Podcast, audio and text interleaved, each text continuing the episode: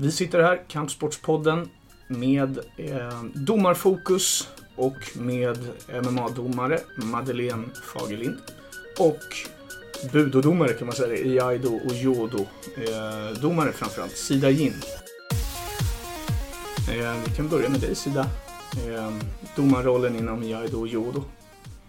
Och framförallt kanske du bara kan berätta vem du är lite fort. Ja, eh, jag heter Sida. Jag har tränat eh, i aido judo i drygt 16 år. Och har varit domare de senaste tre åren på SM i alla fall. I båda idrotterna? I båda idrotterna, ja precis. Yes. Din bakgrund? Um, jag har varit involverad i kampsporten i 15 år ungefär. Um, började med boxning, gick över till thaiboxning. Och sen uh, introducerade faktiskt Joel Moja mig till MMA. Så mm. han uh, visade mig min första räka. Och uh, jag försökte få honom att sparka lite avslappnare. Vänta nu, din första räka? Ja, hip escape. Okej. Men räka på MMA-språk. right. Ja, det är lika kul som det låter Men du är MMA-domare, ja. helt enkelt. Exakt. Ehm, dömde Irfa nu i helgen. Mm. Precis, vilket är jättebra. Väldigt eh, fina matcher där. Ja. Vi ska komma in lite på era respektive domarroller ehm, eh, lite senare tänkte jag i, i samtalet. Men vi kan väl liksom fortsätta lite grann på den här kampsportsbakgrunden då. Eh, Sida, du är ju väldigt meriterad i aido och jodo eh, utövare. Ja, jag... Hur ramlade du in på de idrotterna? Eh, helt av en slump. Jag började med Jaido. Eh, gick på min första pass med en kompis då. Eh, han slutade efter en träning och jag fortsatte för resten av mitt liv nästan. Uh, och sen... Um, Vänta, han drog med dig? Han drog med mig. Och sen vis... slutar han efter en träning ja, och här sitter du och är Europamästare. han måste ju tänka, oj då. ja, uh, Eller han kanske har tagit åt sig äran. jag brukar nämna det varje gång jag ser honom. uh, nej men så började med jag då, sen var det ju Momia Messenser då, som fortfarande bodde i Stockholm då, min mm. tränare. Han fick mig att börja med Jodo ett år efter. Uh, ja, så det har jag gjort sedan dess. Uh, och började min tävlingskarriär uh, EM 2005 i Jodo var min första EM som jag var med på. Och sen har jag varit tävlat, i alla fall i Jodo varje år sedan dess. Jag är då började lite senare på EM-nivå. Hur många mästerskapsmedaljer har du? Ja, jag vet inte. Guld då? Jo, då har jag tre, eller, tre eller fyra individuella guld på EM och två lagguld. Tre eller fyra, sånt som man har ju koll på. Exakt. Vi säger tre då, bara för att vara säker. Ja. Eh, hur hamnade du... Eh, var det ett självklart steg för dig med dömeri och så? Eh. Um, det är mer eller mindre ett krav på de höggraderade inom uh, arten då. Uh, speciellt på SM, där, eftersom vi är så få utövare och vi är så få höggraderade i Sverige. Ehm, så alla som är femte dan och uppåt eh, bjuds in då som officiella domare på ett SM. Ehm, jämfört med EM där man är minst sjätte dan eh, där man börjar döma på ett EM. Ehm, så ja, det, man, man börjar eh, trimmas in det här med att döma ungefär när man är tredje, fjärde dan då. Där man kan döma lite lägre klasser på SM. Och det kommer så också som en del av träningen att kunna eh, se eh, när, när två personer upp, visar upp sina tekniker. Eh, att öva på, öva med ögonen bara. Att se, har jag, kan jag se det jag har lärt mig i princip. Mm. Så det är en bra liksom, del i träningen att döma. Mm. Madde, din bakgrund inom kampsport var vi inne på lite grann, men din bakgrund inom MMA då? Ja, den... Eh... Du sa Joel Moja, det är ju eh, för, för oss som eh, är lite kampsportsnördar vet vi att Joel Moja eh, har vunnit både VM-guld och EM-guld tror jag. I alla fall VM-guld vet jag. VM-silver två gånger, EM-guld. Ja. i MMA. Mm. Väldigt duktig. Gör nu en proffssatsning för Ja. övrigt. Mm. Han tog in dig i det här. Precis, jag bodde i Göteborg i sex år och då tränade vi på samma klubb. Mm. Och eh, mellan passen där hade vi någon timme fri så att vi utbytte sparkar mot eh, räkor. då helt enkelt. Ehm, och eftersom jag hade en stående bakgrund så var det intressant att komma ner på marken och ha lite mer närkontakt och eh, ett annat sätt att se på det. Eh, vad som händer där nere. Så det var väldigt kul och eh, givande. Och då följde jag med på lite tävlingar runt om och stötte på då Christer Ringblom. Som eh, sen efter ett tag ringde upp mig och sa Du, vill inte du vara med i domarkommittén här för eh, MMA-förbundet? Han såg något alltså hos dig. Han gjorde ju det. och eh, då sa jag ja, tack så mycket, det vill jag gärna. Och då, så nu har jag varit poängdomare i fem år och då ringdomare i ett och ett halvt ungefär. Mm. Vilket är roligast? Att stå i ringen är självklart Vilket är roligast. svårast? Poäng är svårast. Mm. Ehm, du var ju iväg på IRFA här i, i, igår Mm. faktiskt. Hur gick det? Det gick väldigt bra. Um, utövarna eh, tycker jag höjer sin nivå mer och mer än vad det varit tidigare. De tänker lite mer på vad poängdomarna tittar på. Ehm, och mer medveten om reglerna. Det är inte lika mycket som det var tidigare att bara gå in och slåss så att säga.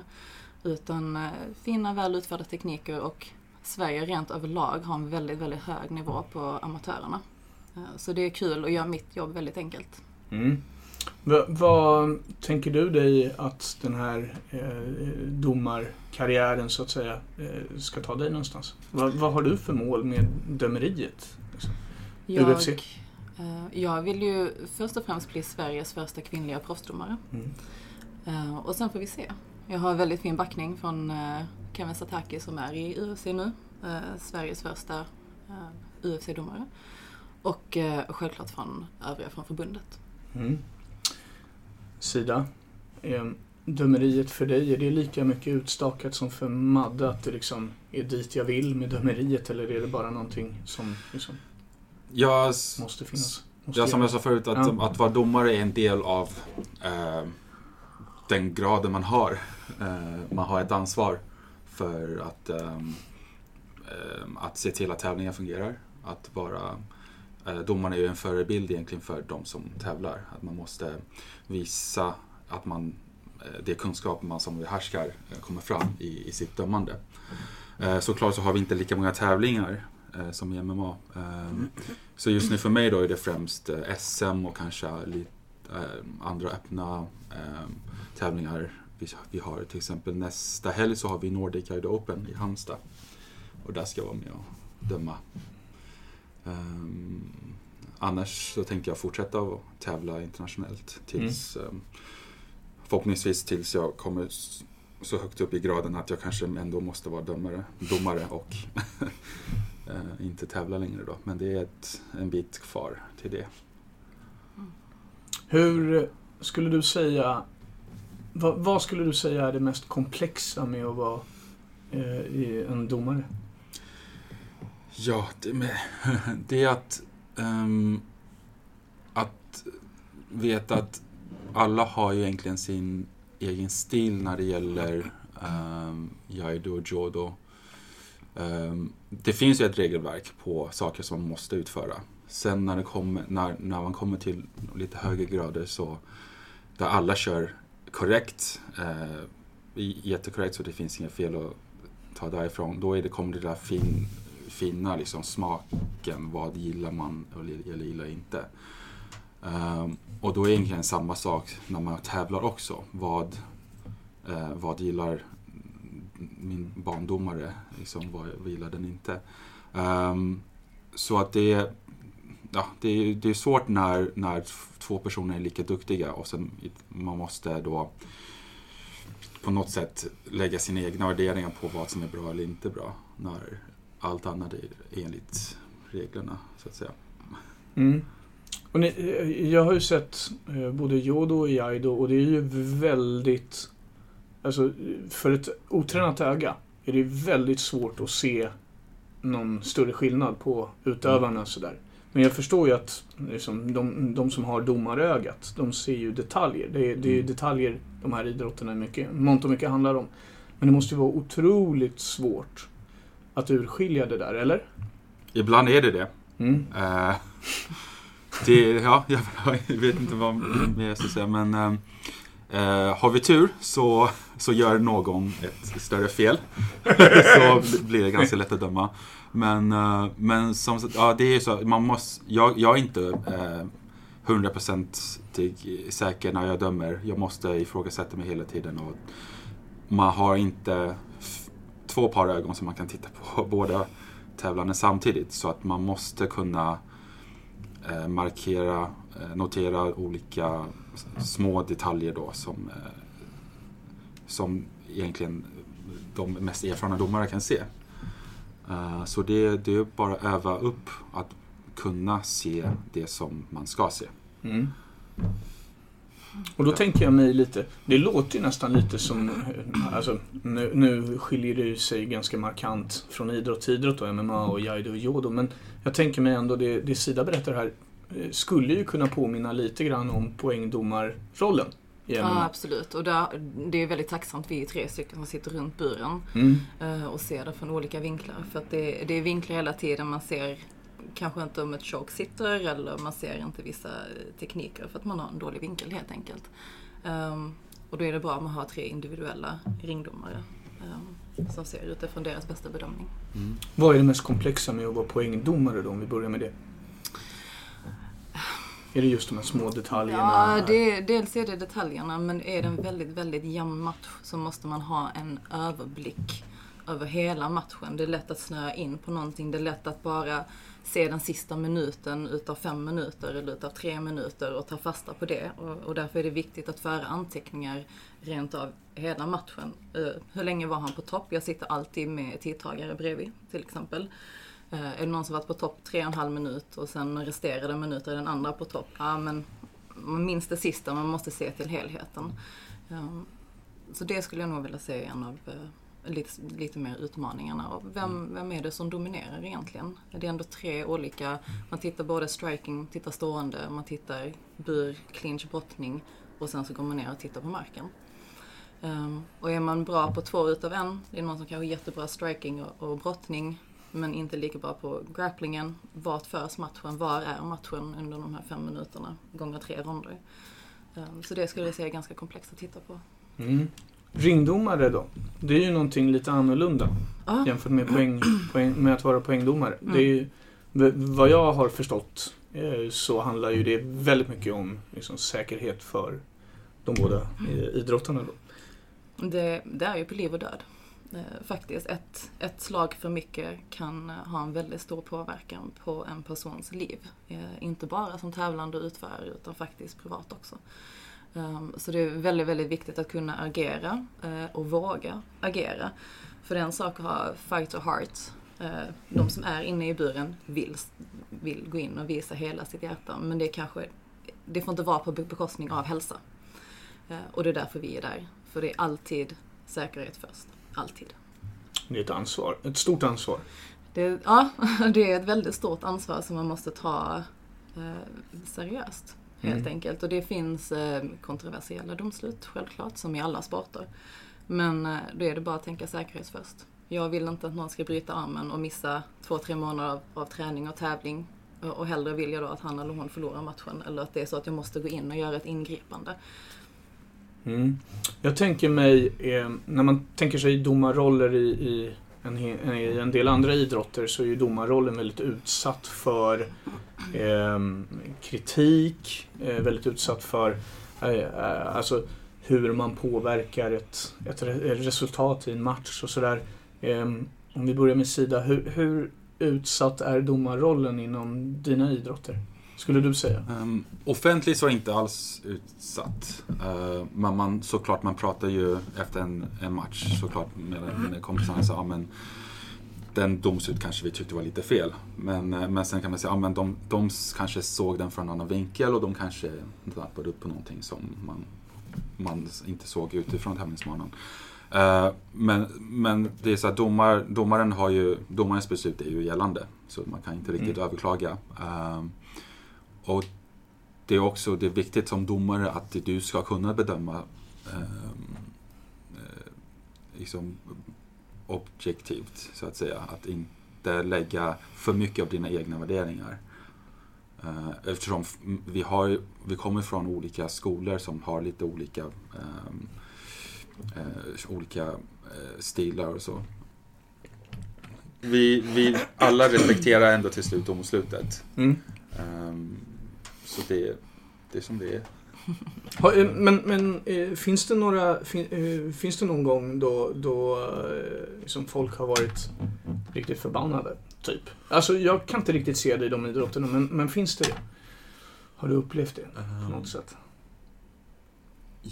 Jag är inte riktigt förbannad men man, man har blivit arg på vissa domslut. Mm. Ehm, för att det, eh, ibland så, all, alla är människor, ibland så gör man fel helt enkelt. Att man, Mm. man dömer fel. Eh, speciellt om man på EM om man sitter en hel, en hel dag och dömer 100 matcher, vad kan det vara? Och, Mm. och i slutet av dagen kanske man bara missar någonting.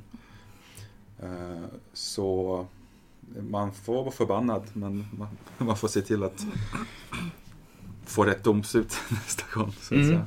Men, Du Madde, eh, domarrollens utsatthet i MMA då? Ja, den är ju väldigt utsatt. Ehm, Ja, på vilket sätt då? Skulle du vilja Om vi pratar ground and pound eller pratar om någon sitter i ett lås eller det är något så, det handlar väldigt mycket om timing. Det är en känsla. Hur, hur många slag är för mycket? Eh, bara för några helger sedan hade vi Yamasaki, en uh, UFC-domare som gick alldeles för långt och lät matchen fortlöpa. Det var 230 slag mot 3 till fem slag en hel match. Det får ju absolut aldrig någonsin hända. Um, så det gäller att gå in och titta på kroppsspråk, titta på ögon. Är den andra personen med överhuvudtaget eller måste jag gå in och bryta? Men eh, det har funnits absolut kontroversiella domslut. Jag bröt någon uh, som satt i en uh, triangel där jag, jag såg att han uh, tappade. Och när jag bryter så säger han nej, jag klappade inte. Men sen var det faktiskt så att både hans mamma och hans fru kom till mig sen att vi spelade in det och det gjorde han. Tack så mycket. Ehm, så det finns, det finns alla möjliga olika eh, typer av Mm, I stridens hetta och hela Ja. den biten. Men Mm. eh, ändå, eh, jag måste ändå, eh, liksom, du är ändå kvinna i en mansdominerad värld, om Mm. man säger så. Och som du säger, Sverige har inte haft en kvinnlig proffsdomare hittills. Alltså, hur känner du att du blir bemött i, i din roll? Då? Är det, är, eh, Jag tycker fighterna och eh, de som är på tävling har bemött mig väldigt väl och med otroligt fin respekt. Ehm, aldrig känt att det har varit något konstigt på grund av att jag är kvinna. Eh, Och däremot har det ju funnits kommentarer online av eh, fans som sitter i soffan och- äter chips, om man inte säger så. som har kommenterat att ja, hon kvinnliga domaren eller ja, vad, eh, kommenterar mitt utseende eller andra saker. Ehm, och där har ehm, antingen fighters eller tävlingsledare, någon annan kunnig gått in och svarat och tagit den striden. Så det är inte så att jag måste själv ta varje strid och det, det kommer man ju inte kunna och det kommer man inte orka heller för den delen. Eh, men det är väldigt fin stämning på tävlingar. Alla är där för att de älskar sporten. Det finns en passion för sporten. Alla vill det absolut bästa. Eh, alla vill vara säkra, såklart. Och jag är där- för deras säkerhet. Jag som kommer ifrån andra delar av idrotten, nu lägger jag in en liten eh, anekdot här, har ju sett den här respekten som verkligen finns. Mellan utövare, mellan eh, utövare domare, mellan publik och utövare, mellan publik och domare. Eh, en grej som slår mig liksom, eh, nu när du berättar det här är, eh, jag var på någon MMA-gala, jag tror att det var en av de tidigare Superior-galorna här i, i Stockholm. Och eh, det var en utländsk fighter, eh, tror att det var en japan, som eh, publiken tyckte vann över en svensk. Och när armen då lyftes för den här svenska så blev det lite, eh, det blev lite konstig stämning på publiken som ändå liksom tyckte att nej, men det var väl ändå japanen som vann. Liksom. Och, eh, om jag då ser till mitt eget eh, supporterskap i andra idrotter så hade ju den eh, respekten inte precis mötts på det sättet. Eh, känner, känner ni båda av liksom, den, den, den delen som jag försöker beskriva här nu med den här liksom, respekten mot varandra och respekten, ja, domare och publik sådär ändå? Ja, det tycker jag Mm. nästan. Ehm, jag tror väldigt mycket när det kommer till MMA och kampsporten där att nästan alla fighters kramar alltid varandra i slutet av att ha eh, gått en match. Och det kan man inte som publik MMA, så ser man i alla fall det. De har gått väldigt hårt, de har försökt att mer eller mindre slå ihjäl varandra. Eh, men ändå är det respekt när klockan går. Eh, Och det tror jag projicerar sig väldigt fint upp med publiken. Och det är inte alltid så publiken känner till vad det är för regler eller de vill bara gå dit och se, ha bra entertainment. Mm. Um, Men jag tycker det är väldigt fin respekt överlag. Ja, för Jaido Jodo, man, man såklart, man häls, alla är ju kompisar också. Så att man, Mm. man hälsar ju alltid innan man går på banan och efter man har gått av en match. Eh, Men eh, det, jag som åskådare har ju ibland eh, andats lite högljutt. När, ibland när, fel, när jag enligt mig fel dos har dragit. Eh, och det kan höras eh, lite vissningar ifall, eh, från publiken ifall man tyckte lite annorlunda då. Men eh, och som domare så, eh, så kommer jag också höra ibland vad de andra domarna sitter bakom och, och, och liksom reagerar på ett visst sätt. Liksom. Eh, Men absolut, det är alltid respekt mot domslutet. Så det, eh, det är ingen, eh, jag tror inte det har hänt att någon har, någon har liksom sagt ut Mm. att det inte var enligt deras stycke. Men Men man kan andas lite högre. ja, man, man hör liksom bland publiken bara Har du varit utsatt för en sån grej som domare redan? Själv? Ehm, jag har Att det liksom suckas lite? Eller, ja. Eh, alltså gärna som domare så har man också lite tunnelseende som, som man, Mm. man inte man, man stänger av allt annat. Så jag, men jag kan tänka mig att jag har dömt eh, annorlunda någon gång. Mm. Ehm, men grejen är att um, för, för Jairo Jodo och eh, som domare så har man en huvuddomare som bedömer hur man bedömer. Mm. Eftersom eh, man går ju, man an, antas kunna vissa saker, eller etiketter och att kunna döma på rätt sätt. Så att du, gör du ett stort miss så kan, kan någon komma fram till dig efteråt och säga Och andas till. lite högre helt enkelt. Ja, Eh, alltså inte åskådare utan um, den, den domare som är ansvarig för, för den tävlingsbanan Mm. till exempel. Mm. Har du hört att någon andats lite högre mot dig i MMA? Tycker det var ett underbart uttryck, förlåt så jag ska inte ta upp det mer nu men det var, det var väldigt eh, beskrivande tycker jag. Ja. Det, är, lite mer ljudligt på MMA-matcherna. lite högre andningar. Någon hosta då. Nej men eh, ja absolut, jag har blivit utskälld av tränare. Ehm, Det har du. ja, men... Hur tar man det då? Eller hur tar du det? Rinner Jag tar av ju, det lite? ja, ja, ja. Man, man kan ju aldrig ta någonting personligt. Aldrig någonsin. Och det är generellt i livet. Men eh, ehm, jag är säker på min bedömning. Eh, jag vet vad jag gör och jag förstår en tränare eller en utövare som, vill, som önskar ett annat resultat. Eh, men det gäller bara att vara säker på att förklara varför man har gjort som man har gjort. Eh, och så får man låta det vara vid det. Ehm, och vill de överklaga så, ha, så kan de överklaga om det är så. Men nej, det är bara att, att stå på sig helt enkelt.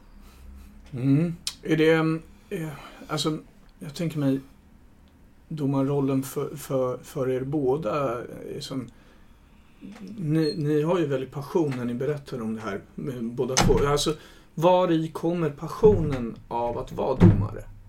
Alltså, var ligger den största njutningen om man säger så? Det, det, det, det som är absolut roligast med det. Jag tycker det är en väldigt eh, fin sport eh, överlag. Det, det krävs otroligt mycket från utövarna, eh, mentalt, fysiskt. Um, och, och se det på nära håll utan eh, och bara låta matchen gå och veta att man är där för, för säkerhet. Det, det var en väldigt en fin martial art helt enkelt. Mm. Sida. Ehm, ja, alltså för mig när jag började tävla så, så, så ansåg man ju domare som, som liksom någon som var så högt upp att man inte liksom kunde komma i kontakt med. Och att kunna komma dit som domare betyder att jag har själv utvecklats eh, på ett positivt sätt. Att jag, jag får en respekt att, eh, att bli, bli tillfrågad. Eh, att bli domare. Och det, det är väldigt fint att, att, kun, att, att någon tycker att du, du, eh, du har att ge dig ansvaret att döma hur andra utövar en sport som du älskar. Um, och, så det, och, och det här med, det är svårt ju så att, också att, att döma såklart. Så det, uh, det är också uh, en kul utmaning att, att sitta som domare. Mm, det är sant. Ja. Är det någonting man eh, kan ta med sig liksom, i livet i stort, den här domarrollen? Och, och Hålla dra sig- nytta av? Hålla sig lugn under stressade situationer. Ja. Ja, precis att ehm, att göra beslut som ibland är svårt Mm. och stå för det helt enkelt. Mm. Precis, det krävs, just, det krävs pondus helt enkelt. Ehm, och agera snabbt. Och jag går tillbaka till det hela tiden, det handlar om liv och död. Ett slag kan vara ett slag för mycket. Ehm, och då har du ett extremt ansvar som ringdomare. Du måste gå in och bryta i tid, om det skulle vara så. Hur... Nu, nu blir jag lite mer MMA-specifik här, för det, när, när vi pratar ringdomar och gå in och bryta så blir jag lite intresserad här ändå. Alltså, eh, hur... Det, ibland kan det ju se väldigt liksom eh, hårt, rejält, tight ut. Mm. Eh, och jag tänker mig, här kastar ni ringdomare er in mitt framför liksom, tekniker och så. Är man aldrig Mm. rädd som domare själv? Eh, jag, tror man har en större rädsla att det skulle hända någonting med utövaren än om jag skulle mot all förmodan skulle ta emot ett slag. Det gör ingenting. Eh, jag är ju där för utövarna. Jag är inte där för min egen skull. Ehm, så gå in och bryta om man använder i rösten, säger break eh, och sen gå in och kasta sig om det skulle behövas. Men det de utövarna är oftast väldigt, de, de lyssnar, de hör, de, de, de lyssnar på vad jag säger och stoppar om de skulle stoppa. Jag får nästan en känsla av att utövarna ibland stoppar eh, ibland lite innan domaren också. Mm. Att man liksom vet att nu sitter den här tekniken, Ja. nu släpper jag det. Typ. Ja, precis. Jag menar det, det, värst, det bästa som händer är att någon somnar och det är ingenting farligt med det. Men däremot om någonting bryts eller om du åker på en huvudskada av något slag, det är mycket värre. Konsekvenserna där är ju värre. Ehm, Dömeriet i, i, i Aido och Jodo kanske inte riktigt är liksom, att man går in och bryter på det sättet. Nej, det är, ändå. det är inte, all- jag tror inte lika allvarligt på liv och död. Men, men, eh, men Jaido judodomare har ju eh, egentligen också ansvar att se till att avbryta en match ifall någonting eh, oväntat händer. Såklart. I judo, speciellt när, när det är kontakt med, eh, med en trävapen på, Mm. på kroppen så eh, om, om du ser att någon kanske tog emot ett slag lite för hårt, eh, kanske det är dags läge att bryta ifall någon kanske visar tecken på att, ja, det, eller, det som händer ganska ofta är att någon tappar vapnet helt enkelt. Och det, då kan eh, den ramla in på andra banor och andra människor kan snubba på det till exempel. Mm. Då är det gäller att, man att avbryta matchen. Men ja, inte så allvarligt. Ehm, och det händer ju i Jaido att folk skär sig och Ja. sätter svärdet där Just det inte ska sitta. Och det har hänt. Mm. Man har hört skräckhistorier eh, hit och dit om tummar som blir av, avhuggna av sin, sitt eget svärd. Är det då man använder, förlåt att jag avbryter, men är det då man använder köttlimmet? Ja! Vi, vi, vi, ja köttlim, det, ja, det är bra För visst finns det? Ja, det är jättebra om man skär sig. Och, är, folk använder ju eh, skarpa svärd. Eh, Det är vad det låter. Du limmar ihop köttet. Ja, du limmar ihop köttet. Ehm, jag vet inte om det har hänt under någon tävling, men under läger och så, så händer ju ganska, ja, inte ganska ofta. Eh, rätt ofta. Mm. Ja, nej, det är härligt. Eh, att det finns såna, såna grejer också. Det är, idrotten har utvecklats på det sättet. Eh, framtiden för er båda. Vad händer framgent här under året? Sida, först. Eh, som jag sa förut så är det Nordic Yard Open i Halmstad nästa helg. Jag ska domare. Eh, Judo SM, inte så långt efter i mars. Eh, I Göteborg där jag också var, också var domare. Sen eh, jag är då SM i maj, domare. Och sen eh, till sommar hösten så blir det uppladdning för EM. Vart går EM i år? Ah, i, jag är då i Polen tror jag och jag då är i Ungern. Mm. Ja. Madde, Yes, dig, vad ehm, händer framgent här? Ligamatcherna, eh, Mm. självklart. Ehm, och sen att bli internationell domare. Eh, och sen vill jag gärna med landslaget på EM, VM och när tiden blir rätt då Sveriges första kvinnliga proffsdomare. Det låter bra det. Känns Mm. som en bra plan. Ja. Eh, vi ska väl ta och börja runda av här. Vi har, vi har suttit och pratat i över en halvtimme. Eh, det har gått fort, Mm. men man har kul. Precis. Eh, är det någonting som ni båda känner att, fan, när vi ändå är inne på diskussionen, det här skulle jag vilja ta upp? Eller känner ni er att, fan den här Broberg, han löste det här ganska bra? Tyckte du Ja. gjorde det här helt okej. Jättebra. Strålande, men då vill jag passa på att tacka er båda för Tack så att ni mycket själv. kom hit Tack så jättemycket. och berikade programmet. Tack. Tack!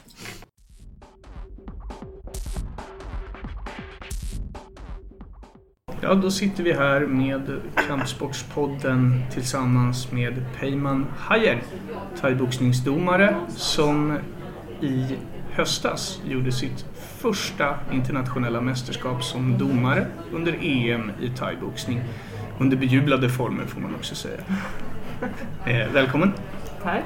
Eh, vem är du, Peyman? Ja, eh, jag heter Peyman, eh, 36 år gammal, nyss fyllda 36 år. Vanligtvis så jobbar jag på statlig eh, myndighet. Eh, vid sidan om så är min stora hobby thaiboxning och eh, att få döma. Eh, oftast på helger. Eh, klubbmatcher och lite gala events. Det är väl en av mina stora passioner just nu. Hur ramlade du in på kampsporten då och, och kanske dömeriet i- sinom tid också? Ja, det är lite intressant faktiskt för att det kom bara lite från ingenstans. Vi var eh, ett gäng studenttjejer uppe i Umeå eh, som eh, ville träna på en klubb. Eh, jag hade nyligen tagit på mig slöja och började praktisera islam så kände jag att jag ville vara på något ställe där jag inte behövde tänka på min slöja. Att jag ville träna eh, på ett gym. Och då hade en av våra tjejer pratat med en annan tjej som eh, höll på med boxning och thaiboxning uppe i Umeå. Och hon kunde börja träna oss, sa hon. Och då var vi 30 tjejer eh, från olika delar av Sverige som eh, började träna på Renji. Och så småningom så började vi eh, träna och det, det var kul. Vi höll på med det och sen ville jag gå match och tränade väldigt aktivt där eh, några år uppe i Umeå. Och sen eh, ville vi ordna klubbmatcher eh, uppe i Umeå. Eh, för det var inte så lätt att liksom åka ner till Stockholm hela tiden och, och det kostade oss för vi var ju studenter eh, också. Så ehm, då ville vår tränare Jonas Helge vid det tillfället att vi skulle utbilda oss till domare så att vi skulle kunna ha några domare där uppe i norr eh, när vi väl anordnade klubbmatcher. Och det var på så vis jag kom in. Jag blev utbildad domare men jag, var inte, jag, hade, jag dömde några få matcher där uppe i Umeå. Sen var det som jag tänkte, nej, jag vill ju satsa på mig själv först och gå några matcher och så. Sen eh, slutade jag döma och så flyttade jag ner till Stockholm. Eh, och då, eh, efter några år, så kände jag nej, vad kul det skulle vara att och, eh, få komma igång med det. Och så småningom så började jag. Och här är jag idag. EM-domare och allt. ja, Mm. jätteroligt. Men eh, hur var hela den här eh, processen då från att varit aktiv till att bli domare? Och, och, alltså, hur, hur, hur, hur gick du tillväga? Nej, men jag var jättenervös i början. Jag kände att det var...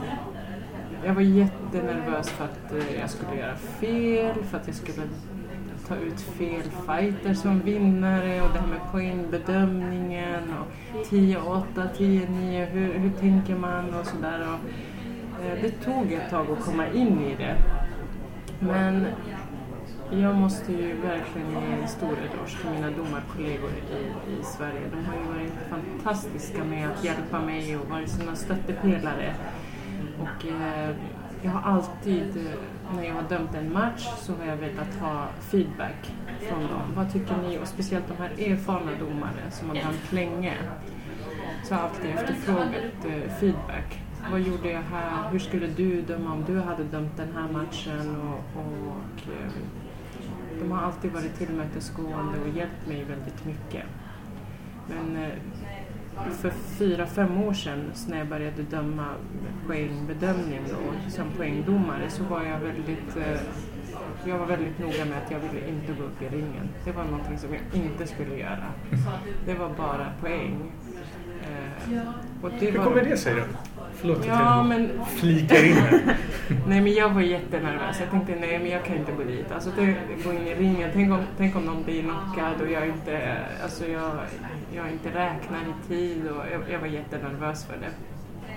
Men då hade jag ju eh, min domarkollega Daniel eh, som tvingade in mig i ringen helt enkelt. Eller så han bara pushade mig och han, han, eh, det var så fint av honom för han sa så han bara jag tror på dig. Du är en bra poängdomare, du ser, du är tydlig och du, du, du kan det här. Du måste tro på dig själv. Så det var ju bara att gå in i ringen och eh, testa sig fram helt enkelt.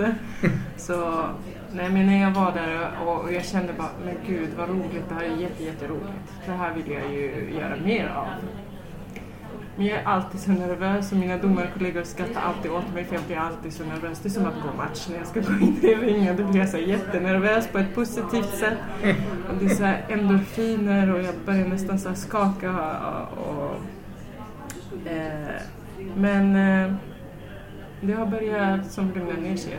Jag, jag, efter EM speciellt också så känner jag att Nej, men nu har det landat. Nu är jag mycket, mycket tryggare i mig själv och jag vågar liksom ta beslut och på ett helt annat sätt.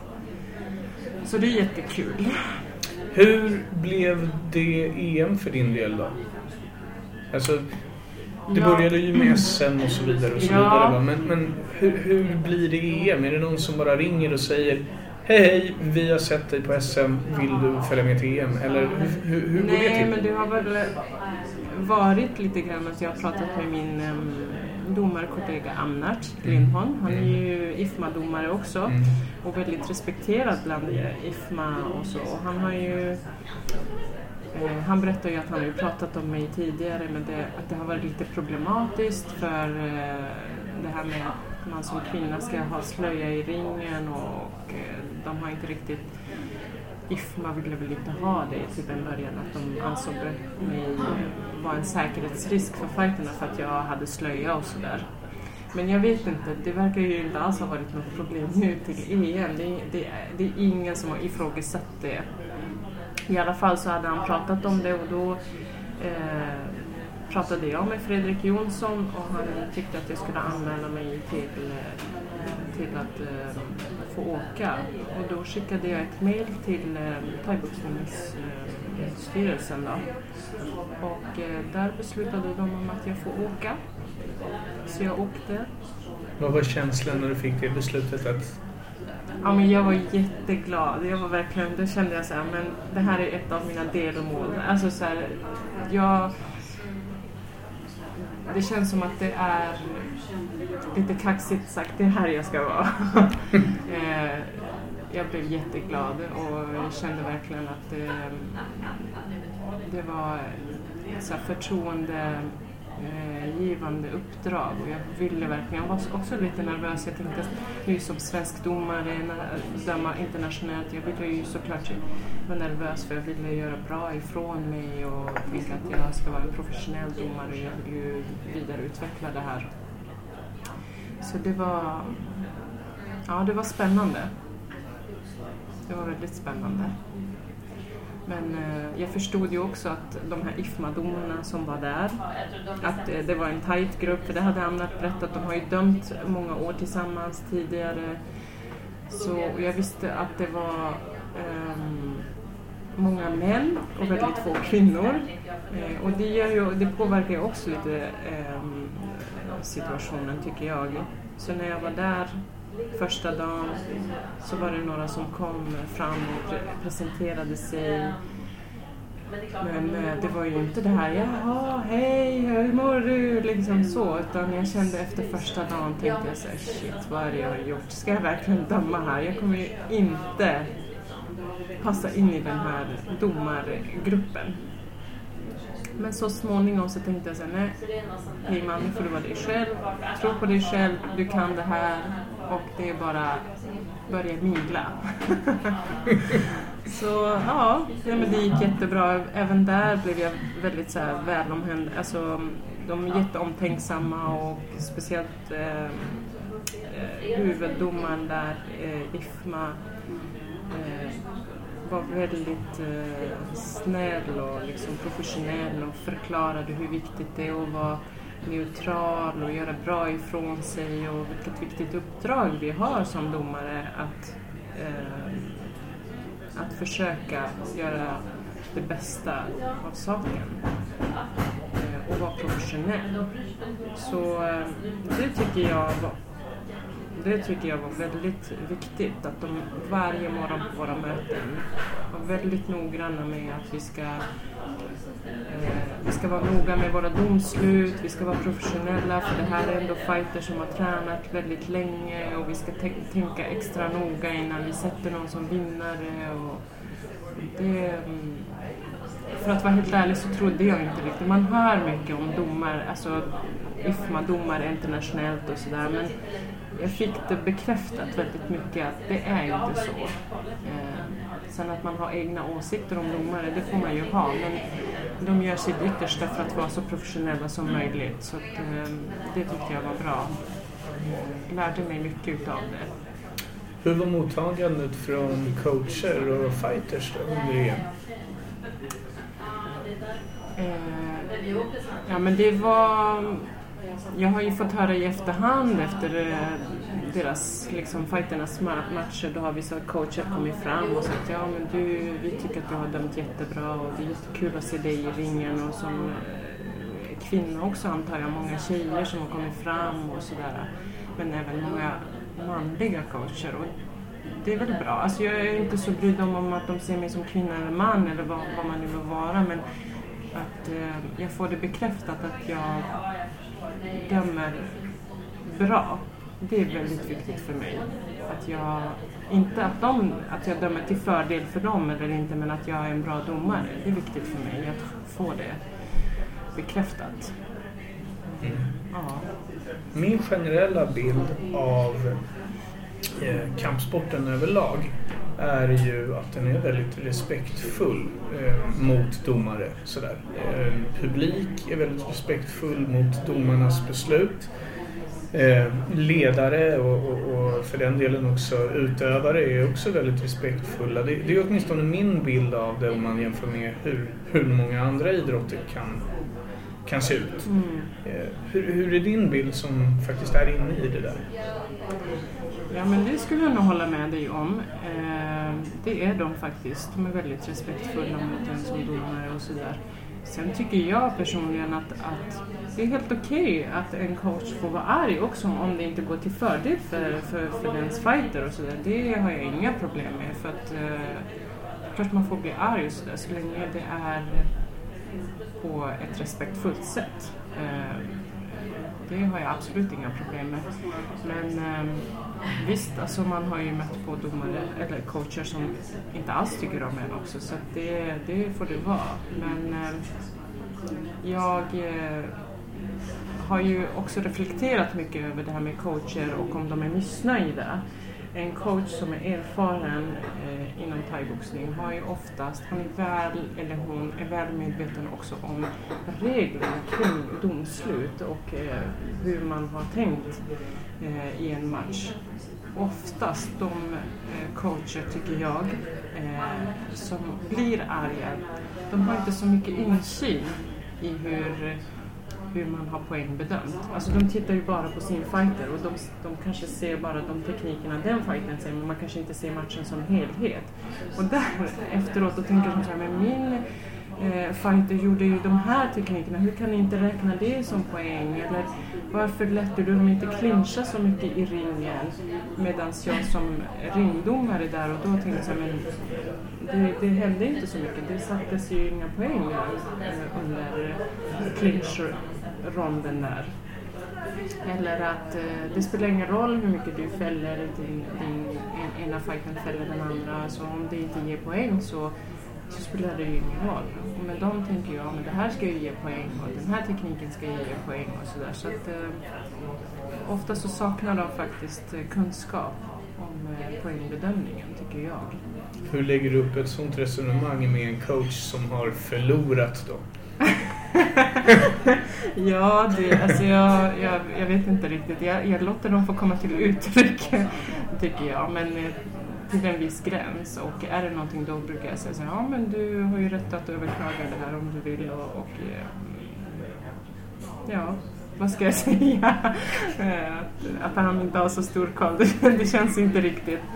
Men jag var faktiskt med om ett, en händelse där eh, jag var ringdomare och då var det en coach som blev jätte, jätte arg eh, för att hans, eh, för att eh, hans kille inte vann.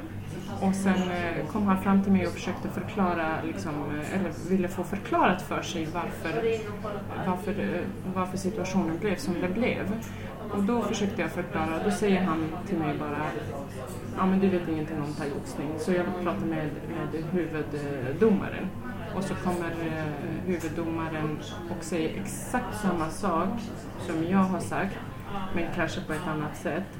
Och sen eh, så tror han, då blir, då blir liksom, då lugnar han ner sig.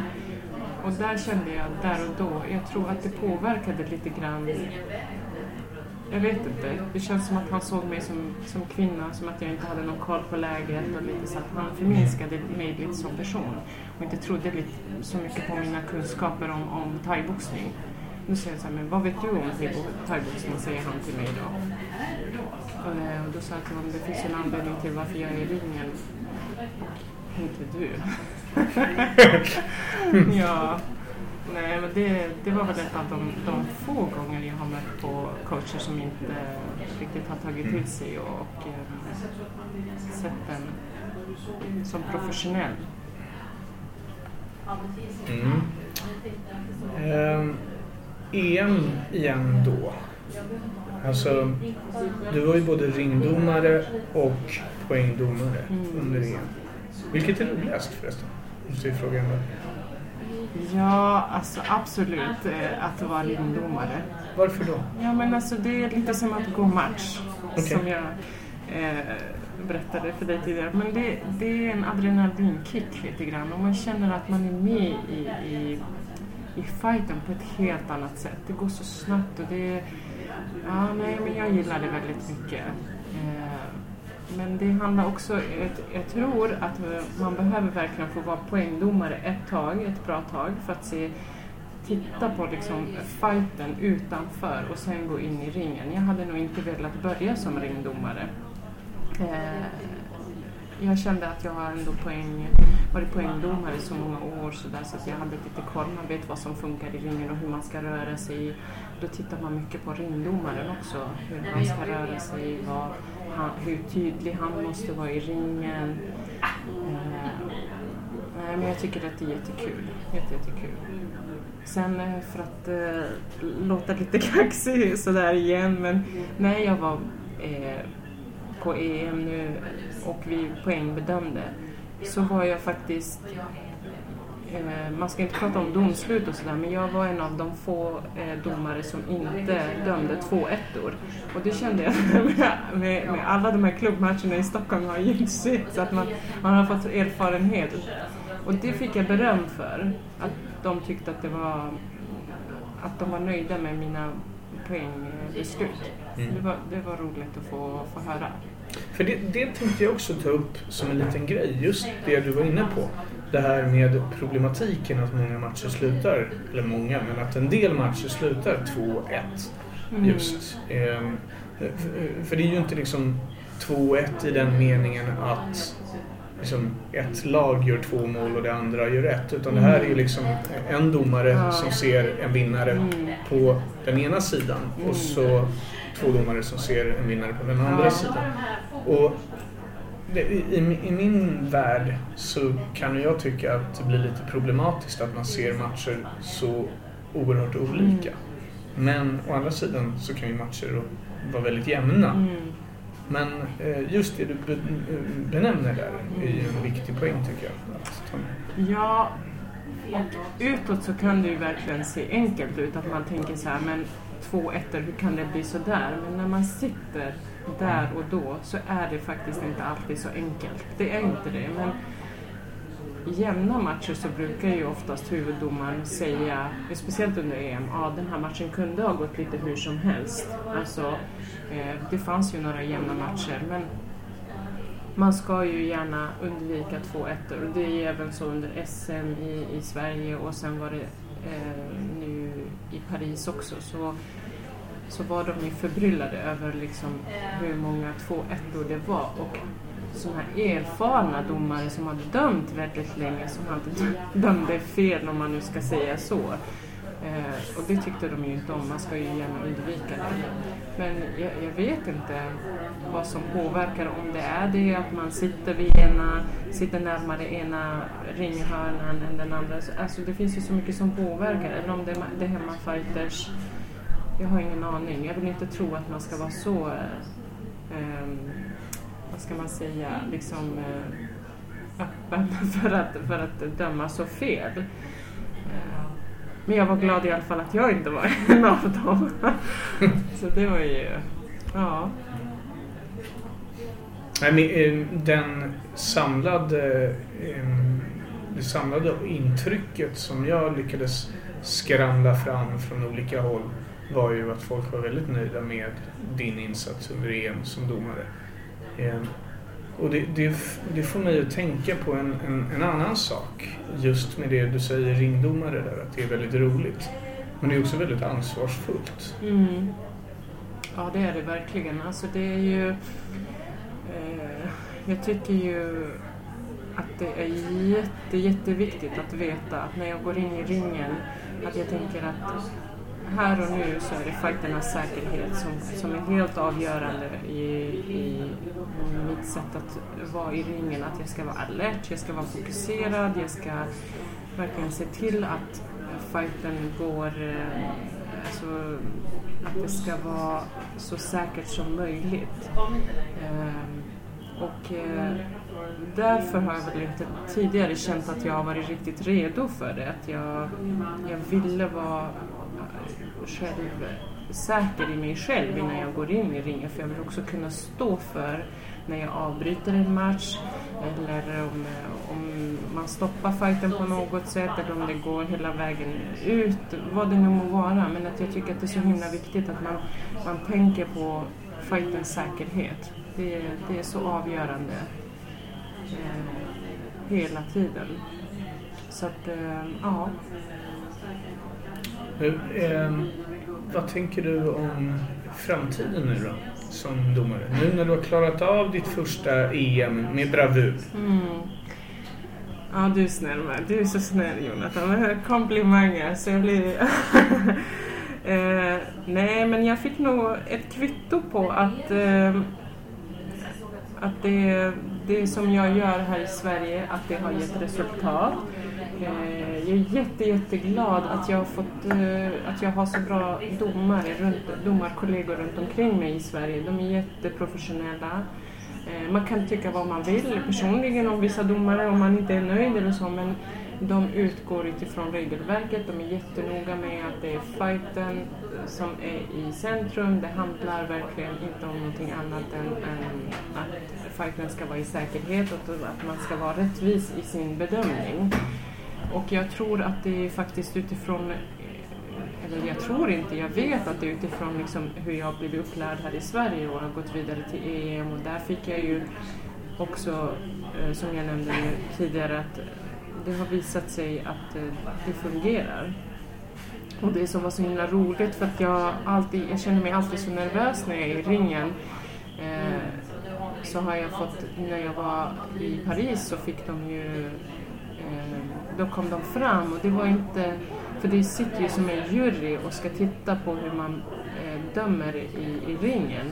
Och är det någonting som man gör fel så kommer de att säga till en och sådär.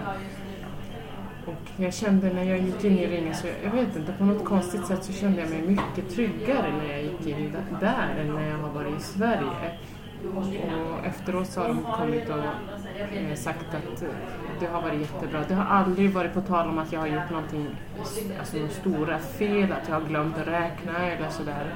Eh, så att det var jättekul och nu ser jag fram emot fler mästerskap och större events. Och det, är, det är det som är det roliga. Nu har jag verkligen fått känna på hur det är att döma internationellt. Det är så roligt. Det är så olika nationer, det är olika domare, man tittar på andras domarstilar och, och i ringen. Och, men i det stora hela så är allting, det är samma regelverk och man försöker verkligen eh, efterfölja regelverket. Det är väl det som är viktigast.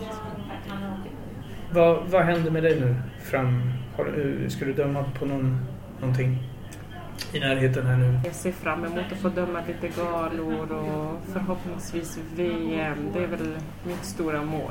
Det hade varit riktigt kul. VM Mexiko. Och då är det fler nationer och andra typer av domare och sådär. Så det hade ju varit någonting. Eh, Så vi får se. Du, Det- tack snälla. Tack! Själv.